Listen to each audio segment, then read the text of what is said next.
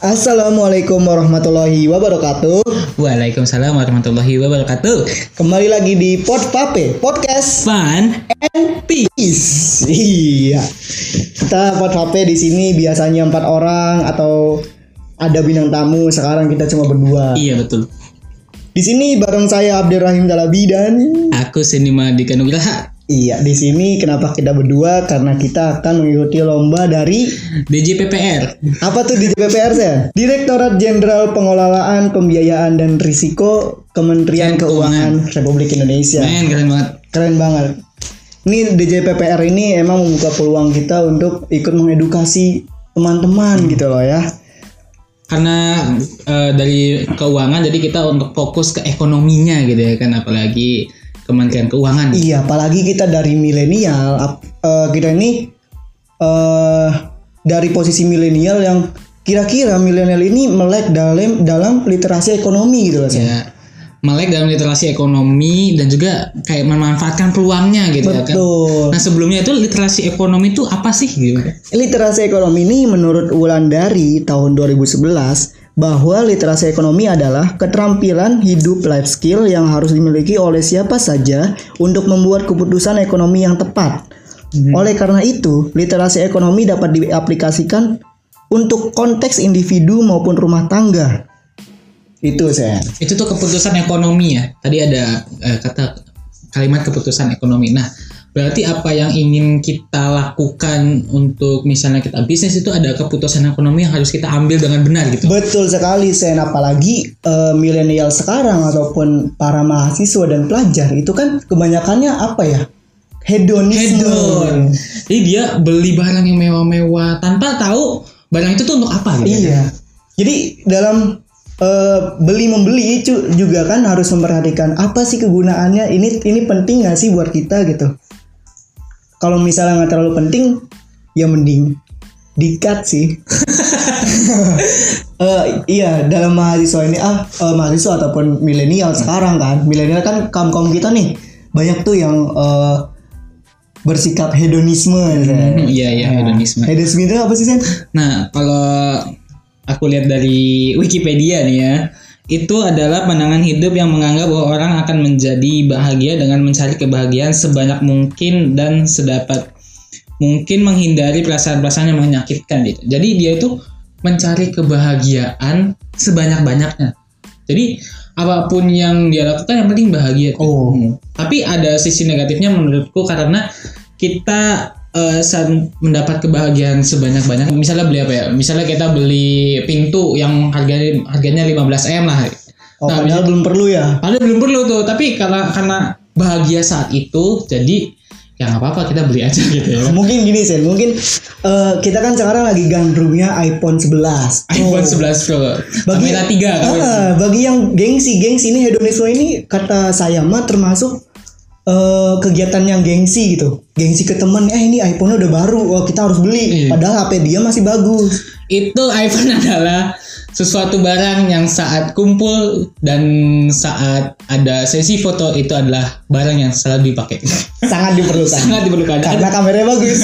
ada yang HP iPhone nggak ada yang HP iPhone nggak saya saya saya saya langsung saja Itu gas kalau misalnya hedonisme kan eh, kebias- kebiasaan eh, orang kaya atau maksudnya Hmm. Orang yang menengah ke atas lah biasanya itu dia tuh eh, tanpa berpikir, berpikir panjang untuk membeli ini, membeli itu, membeli ini, membeli itu tanpa memikirkan untuk menabung gitu. tapi menurutku juga eh, orang yang menengah ke bawah dan menengah juga bisa aja hedon sih karena misalnya dia itu seleranya tidak sesuai dengan salari Oh, salary. salari itu apa pendapatannya Oh, iya iya. iya. jadi misalnya dia peng dia gajinya 2 juta lah Ah, Nah, se apa UMR lah ah. tapi dia tuh gayanya hampir 5 juta hampir 6 juta kan maksudnya tidak nutup gitu gaya dengan eh, Pendapatan. pendapatannya jadi nggak Oh, balance gitu iya, iya, iya. alangkah baiknya kan kita untuk 2 juta itu bagaimana kita sejuta nabung sejuta buat kebutuhan sehari-hari ya bagi beginilah Iya, jadi eh, kita sebagai anak muda ini apakah harus memikirkan sesuatu yang ke depan eh, dengan cara menabung atau kayak Iya. gimana gitu?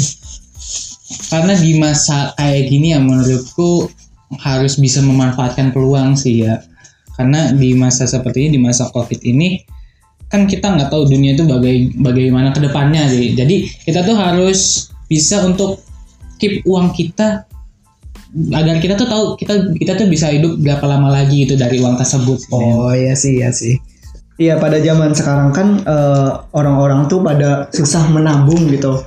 Sebenarnya mereka tuh belum tahu gitu manfaat menabung tuh seperti kita tuh bisa apa eh membantu negara dalam meningkatkan PDB gitu Iya, pendapatan lokalnya dia terus sekarang ini kan susah gitu kan kita tuh untuk menabung sebenarnya tuh kita tuh selain nggak tahu apa apa sih gunanya menabung jadi kita tuh lebih mengumpulkan uang sebenarnya kan menabung kan bisa eh, menaikkan PDB negara kan terus Nanti bilangnya pada zaman sekarang gitu. Padahal nabung itu mulai dari SD nih.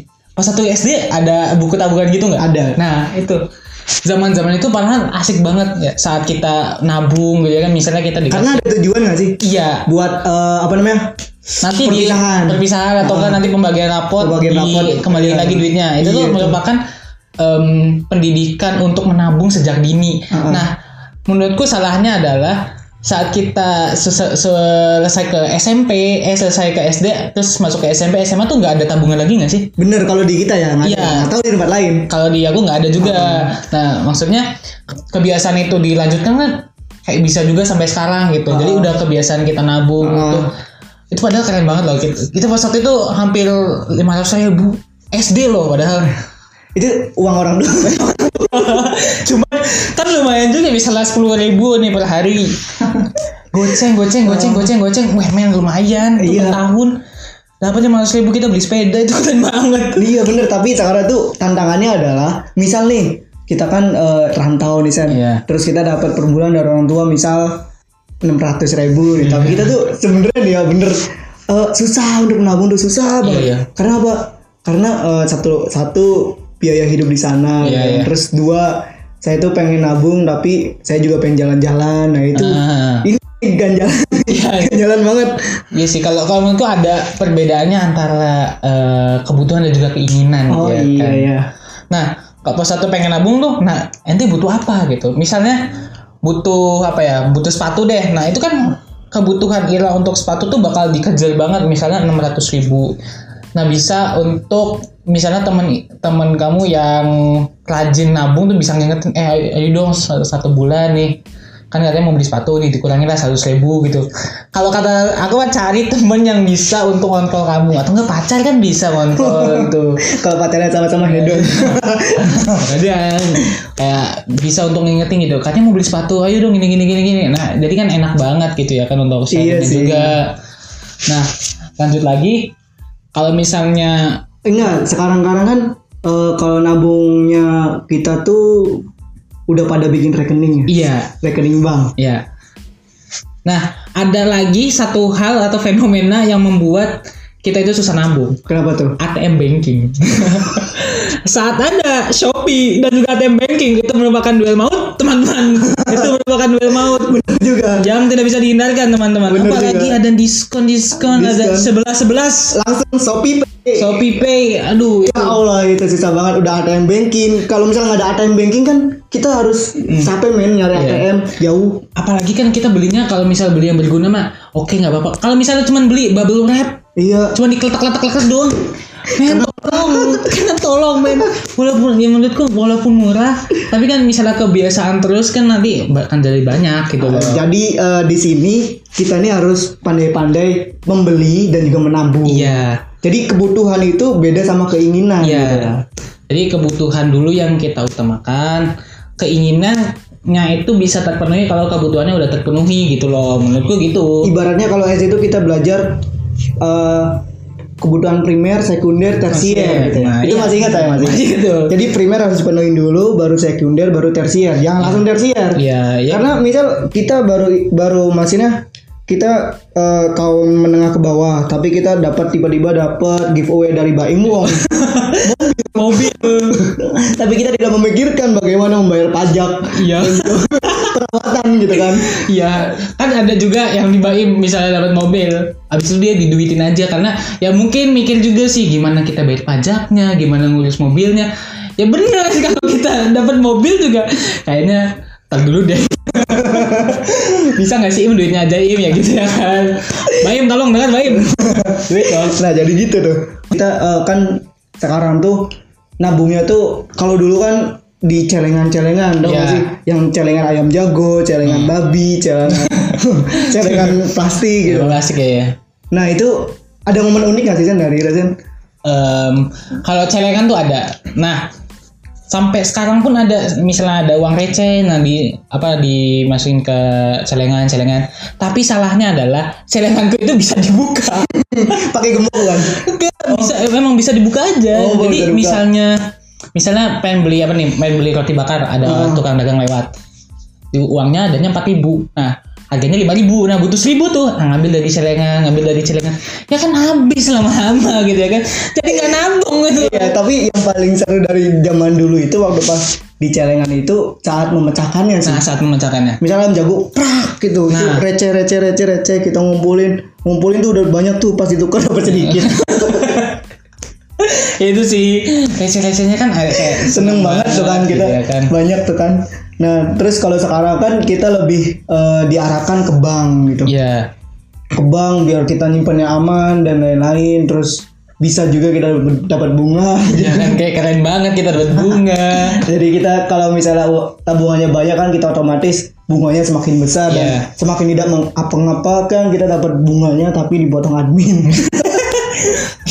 Admin, tolongin aduh. Tolongin jangan banyak-banyak Iya, nih. Nah tapi sen bayangin kalau misalnya di bank tidak ada konsep yang namanya bunga. Jadi gimana? Langsung aja. Bakal ke mana sih? Gak pakai bunga berarti. Iya langsung aja pakai bunga. Jadi orang nabung tuh kepotong admin. Cuma kakak potong admin aja. iya terus jadi apakah Ira tuh bakal nabung terus di bank gitu apa bagaimana sih gitu? Kalau dari pribadi, kalau dari pribadi sih kalau misalnya bisa nabung di rumah di rumah, tapi kan ada kemungkinannya Kemalingan. kemalingan. kalau ada yang percaya tuyul ya tuyul, ya kan? Ya tapi ya dari di mana sih kalau kita bisa nyimpen kalau di berangkas kayaknya juga kan nanti kemalingan juga. ya. Heeh. Ya maksudnya yang bisa aman kan ya bank, tapi kan ya bang misalnya uangnya kemalingan kan tetap kita bisa ngambil lagi nggak sih duitnya bisa bisa bisa eh, ganti rugi. bisa ganti rugi gitu Ke bank. ya pasti ya salah ya pasti bank sih terus gimana Iya, lagi tapi gitu kalau misalnya saya pribadi mah kalau misalnya iya nggak ada benefit dari situ, Mm-mm. mendingan investasi nggak nah sih? ini ini Investasi, investasi itu sebuah pilihan, men. iya Jadi kalau misalnya anda ingin meningkatkan, tapi meningkatkan uangmu, kalau misalnya nggak di bank itu diinvestasi, tapi ada satu tapi nih, iya iya gagal. gagal Kalau ah, perusahaan yang anda investkan itu gagal, ya udah uangnya nggak tahu ke mana gitu. ya, tapi juga ada juga nggak sih misalnya kita investasinya ke tanah atau enggak ke emas ya? Obligasi. obligasi ya kan Ah, yang iya. di mana itu makin tahun kan makin naik yang otomatis kita juga em, obligasinya kan misalnya kita eh, obligasi 100 juta nanti kan per tahunnya bisa naik naik naik dan tiba-tiba 1 m aja tuh harganya tuh Iya kan sih. seneng juga Seneng juga apalagi kalau misalnya itu tuh tanah warisan. gak enaknya dibagi-bagi guys tolong Eh, ini sen eh, kan macam-macam investasi kan banyak tuh dari emas, terus saham, obligasi, terus eh, mata uang kan, terus eh, ada lagi properti, terus reksadana dan lain-lain lah. Pokoknya banyak dah eh, macam-macam investasi tuh. Eh, terus gini yang yang perlu dicermati adalah saat anda ingin berinvestasi itu uang yang digunakan itu uang yang benar-benar anda fokuskan untuk investasi gitu, Mhm. bukan untuk dimakan. Maksudnya bukan kebutuhan sehari-hari gitu. Misal eh punya uang per bulan 5 juta gitu. iya iya Anda belum ada target nikah. Artinya untuk misal ngumpulin 2 juta per bulan. Nah, 2 juta per bulan ini kan tidak dipakai apa-apa gitu. iya 3 juta Anda pakai, 2 juta disimpan. Disimpan ke mana? Nah, itu bisa nih untuk investasi gitu. Dalam jangka panjang karena investasi itu bisa dalam jangka panjang dan jangka pendek gitu loh, teman-teman. nah untuk eh, milenial di kaum eh, mahasiswa atau enggak pelajar tuh bisa nggak sih kayak untuk eh, investasinya tuh di mana gitu kan Eh, bisa sih sebenarnya. Tapi eh, untuk mahasiswa sendiri kan ataupun milenial sekarang kan kebanyakan belum punya kerjaan nih, Iya. belum punya kerja. Jadi eh, untuk membeli emas ataupun membeli saham. Paling saham tuh saham yang beli selot, dua lot lah paling gitu. Murah lah paling selembarnya kan seribu tuh. Iya tuh. Nah bisa satu lot tuh paling 100 lembar kalau nggak salah. Nah itu beli aja tuh segitu. Terus nanti kalau beli emas langsung beli beli aja di Antam gitu. Nanti anda, anda simpan kan 0,5 gram 0,5 gram. Eh nanti pas pengen nikah anda storein tuh buat mahal. Keren juga tuh prosesnya kan keren aja. Boleh boleh boleh. Jadi eh, ini eh, ada dua pilihan nih bagi anda para milenial untuk eh, melek lah eh, literasi ekonomi ini melek lah gitu. Nah, melek tuh. Eh, ayo ayo cepet Ayo. bangun bangun bangun sadar sadar. kita tuh bukan negara konsumsi aja gitu. Iya, iya. Kita tuh harus bisa mengekspor sesuatu. Kita gitu kan. harus bisa memproduksi gitu ya kan. Betul. Nah, di zaman PSBB gini kan kayak teman-teman masih ada di kota-kotamu gitu ya kan. Yang jadi kamu juga bisa ngobrol sama teman-teman kamu. Bagaimana sih keresahannya? Kalau misalnya keresahan aduh pengen duit nih tapi masa minta terus? Ya itu kita kita dagang gitu saatnya kan. gitu kan. kita tuh ngobrol bareng gitu kan. Gimana solusinya untuk eh kayak kita tuh nggak mau minta lagi deh ke orang tua deh. Makanya ayolah kita daripada kita mencari pekerjaan kita membuka pekerjaan Entrepreneur muda. entrepreneur muda Nah gitu itu ya tuh. kan. Nah sekarang nih Menpora sama pemerintah nih sedang giat-giatnya nih untuk entrepreneur muda. Di mana-mana Menpora membuka talkshow tentang entrepreneur muda, memberikan dana investasi untuk entrepreneur muda. Jadi ayolah men. Masa nggak pengen sih ya? apalagi sekarang kan belum masuk kuliah yang offline tuh yang Ah. yang di mana sekarang juga kita bisa untuk kayak beli belanjaan lah untuk kayak bisa buka Instagram untuk ada akun all shop gitu ya kan jadi kan yang zaman-zaman seperti ini harusnya dimanfaatkan dengan baik gitu ya kan Betul. untuk eh, create money gitu ya kan. Iya gitu. Jadi kita tuh bukan hanya mah minta uang, tapi mah ini ada uang. mama kamu tuh kayak nangis-nangis bahagia gitu kayak waduh kayak udah ada uang nih anakku nih jadi kayak men utangnya gak belunas utangnya bisa lunas gitu ya. Main anakku bisa bantu utang gitu kan. Mantap nyelesain utang gitu kan. uang kuliah nggak usah bayar ya Allah. Iya utangku lunas gitu kan. Jadi para milenial kita adalah targetnya itu untuk membanggakan orang tua lah gitu. Iya. minimalnya ya. Iya sih, karena untuk eh, aku sendiri sih kayak dari diri sendiri dulu untuk niatnya em, bisa nggak sih kayak motivasinya tuh kita ayolah jangan main-main dulu gitu. Oh Main-main- berarti berarti sekarang Iya udah sih. punya Pemikiran, eh, pemikiran untuk berdagang ataupun iya sih gitu. karena kalau main-main bisa di lain hari ya itu kebutuhan keinginan ya butuhnya untuk em, investasi untuk dagang ya dagang dulu aja tapi diselingi dengan main di lain hari bisa gitu ya kan tapi fokusnya ke dagang dulu sih gitu Tapi kalau misalnya dagang yang kayak online itu kan kita bisa main sambil menawarkan iya dagangan nah kan. iya Nah, maksudnya itu.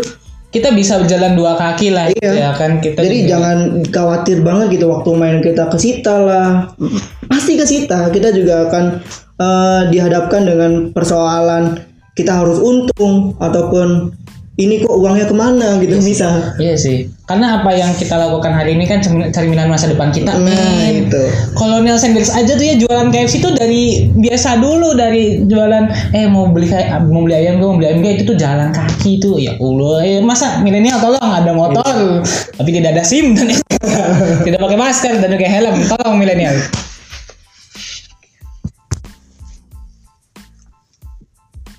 Iya tidak berdaulatnya gimana sih harus kasih apa harus kata- Eh, kebanyakan kita sekarang kan ini ini pribadi deh pribadi deh itu kan eh, sedikit pendapatan daripada pengeluaran yang Iya. akhirnya kita terpaksa untuk menghutang nggak sih Iya.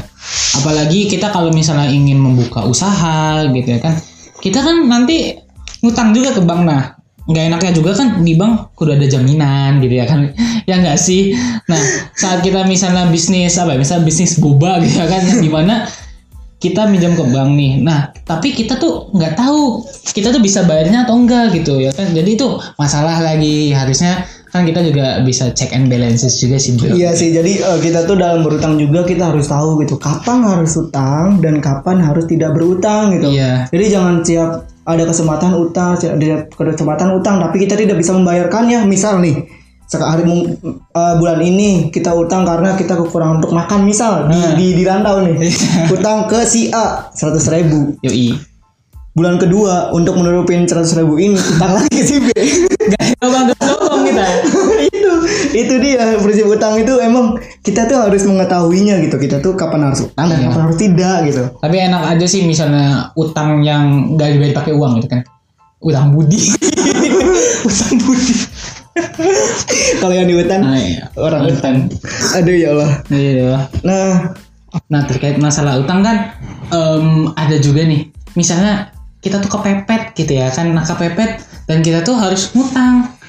Nah abis itu ke di kemudian harinya tuh lah kita nggak bisa bayar, nggak bisa bayar. Terus habis itu ada satu momen lagi yang di mana kita harus utang. Jadi jadi utangnya tuh di banyak kepala tuh. Oh, jadi iya, kita iya. nggak bisa fokus dan kita lupa gitu ya kan utang ke siapa itu kan berbahaya juga nanti kita di di Akhirat ya. Tapi- akhirat kan bahaya juga Iya, kan tapi kalau misalnya utang ke satu orang tuh nggak enak nggak sih iya sih. Misal Ira utang eh minjem dulu dong sepuluh ribu. Iya. terus besok eh dua puluh ribu dong. Nah, tapi Ira tuh belum bayar. Men. tapi ya kalau orangnya baik mah gak apa-apa kali ya. Daripada utangnya di banyak kepala tuh hei nanti Bukan- tuh lupa. bukan orangnya baik men. Tapi orang itu menggunjing di belakang.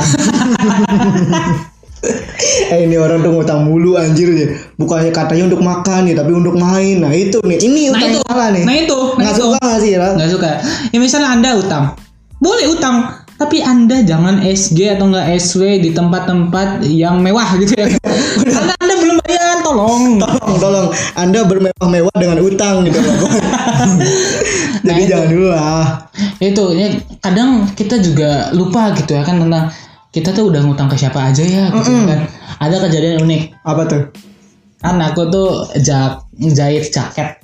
Ah. nah, kurang tuh delapan ribu. Heeh, nah habis itu setiap hari kan nganter ibuku tuh pagi heeh. pasti lewat tukang jahit itu tuh Iya. nah tapi nggak ada karena lupa nggak bayar bayar sampai empat bulan dan dan akhirnya kan nggak enak dong masa nggak bayar empat bulan tapi ngasihnya delapan ribu ya udah kasih lima belas ribu gitu ya kan yang artinya adalah kalau sampai kelupaan dan orang itunya innalillahinya meninggal masa kita bayar ke apa keluarganya? Ini belum bayar delapan ribu kan nggak enak gitu. Jadi cepet-cepet lah kalau misalnya utang cepat dibayar tolong. Terus jangan sampai kalau misalnya punya utang itu nunggu Anda meninggal gitu. Biar digratisi. Bagi yang eh, punya piutang kepada Bapak ini kalau sekiranya diikhlaskan silakan. Kalau misal tidak bila eh, bisa ke komisarisnya misal gitu. Iya. jadi anda nggak kayak gitu men. Bukan masalah Ira punya utang banyak terus Ira meninggal udah lunas gitu. Iya. Nah makanya nih milenial harusnya melek Iya, akan melek. Literasi ekonomi gitu, yang dibangun oleh dinas di Kemenko ini. Men, Ayo men, Aduh. kita bisa untuk melek gitu ya kan, karena kita juga itu kan kita ada solusi juga, ada investasi juga, ada dagang juga, ada Nabung. nabung juga bisa gitu. kurangin utang. Kurangi utang, perbanyak investasi, perbanyak Betul, nabung. Itu dia, men. Utangnya utang budi kan. Ah. Ya kan kita sudah berbicara panjang lebar gitu ya kan tentang eh, milenial harusnya melek akan literasi ekonomi gitu ya. Kan karena kita udah ngasih permasalahannya gimana tentang utang lah tentang gimana sih untuk kita masa depannya untuk mengelola uangnya kan bisa gitu ya kan. Kita bisa dagang kita bisa investasi kita bisa nabung gitu kan. Ini juga bukan serta merta untuk kita ngebacot doang gitu Iya. ya kan. Ini juga buat kalian juga kan. Jadi kalian tuh bisa bisa rasakannya di kemudian harinya gitu ya kan Ah. misalnya kalian nabung juga nanti bisa untuk negara juga dan negara kan bisa untuk memfasilitasi nanti kota Kalian, kalian, ya. gitu kan Hmm, jadi betul, ini betul, tuh betul. bukan untuk kamu aja tapi ini nih untuk kita bersama gitu Betul, men. Jadi ini tuh dari kami untuk kita semua ya kepada negara. kepada negara dan negara juga akan kembalikannya untuk kita juga untuk kita semua. Jadi ini untuk kita bersama. ini nih untuk kita bersama. Jadi seperti roda yang tetap berputar putar putar. Daripada kalian nanti mandek nanti rodanya nggak berputar men. Ayo bantu rodanya berputarnya cepat gitu kan. Daripada kita ketinggalan dengan negara-negara lain yang udah pengen mencapai negara maju. Iya betul. Terima kasih saya ucapkan kepada kalian para pendengar Podpape dan juga Tidak lupa nih Direktorat Jenderal Pengelolaan Pembiayaan dan Risiko Kemenku Republik Indonesia telah membuat acara yang sangat sangat eh, baik juga nih untuk kita untuk belajar literasi ekonomi gitu. Jangan lupa dengarkan kita. Jangan lupa dengarkan kita. Sampai jumpa di episode berikutnya. Dadah.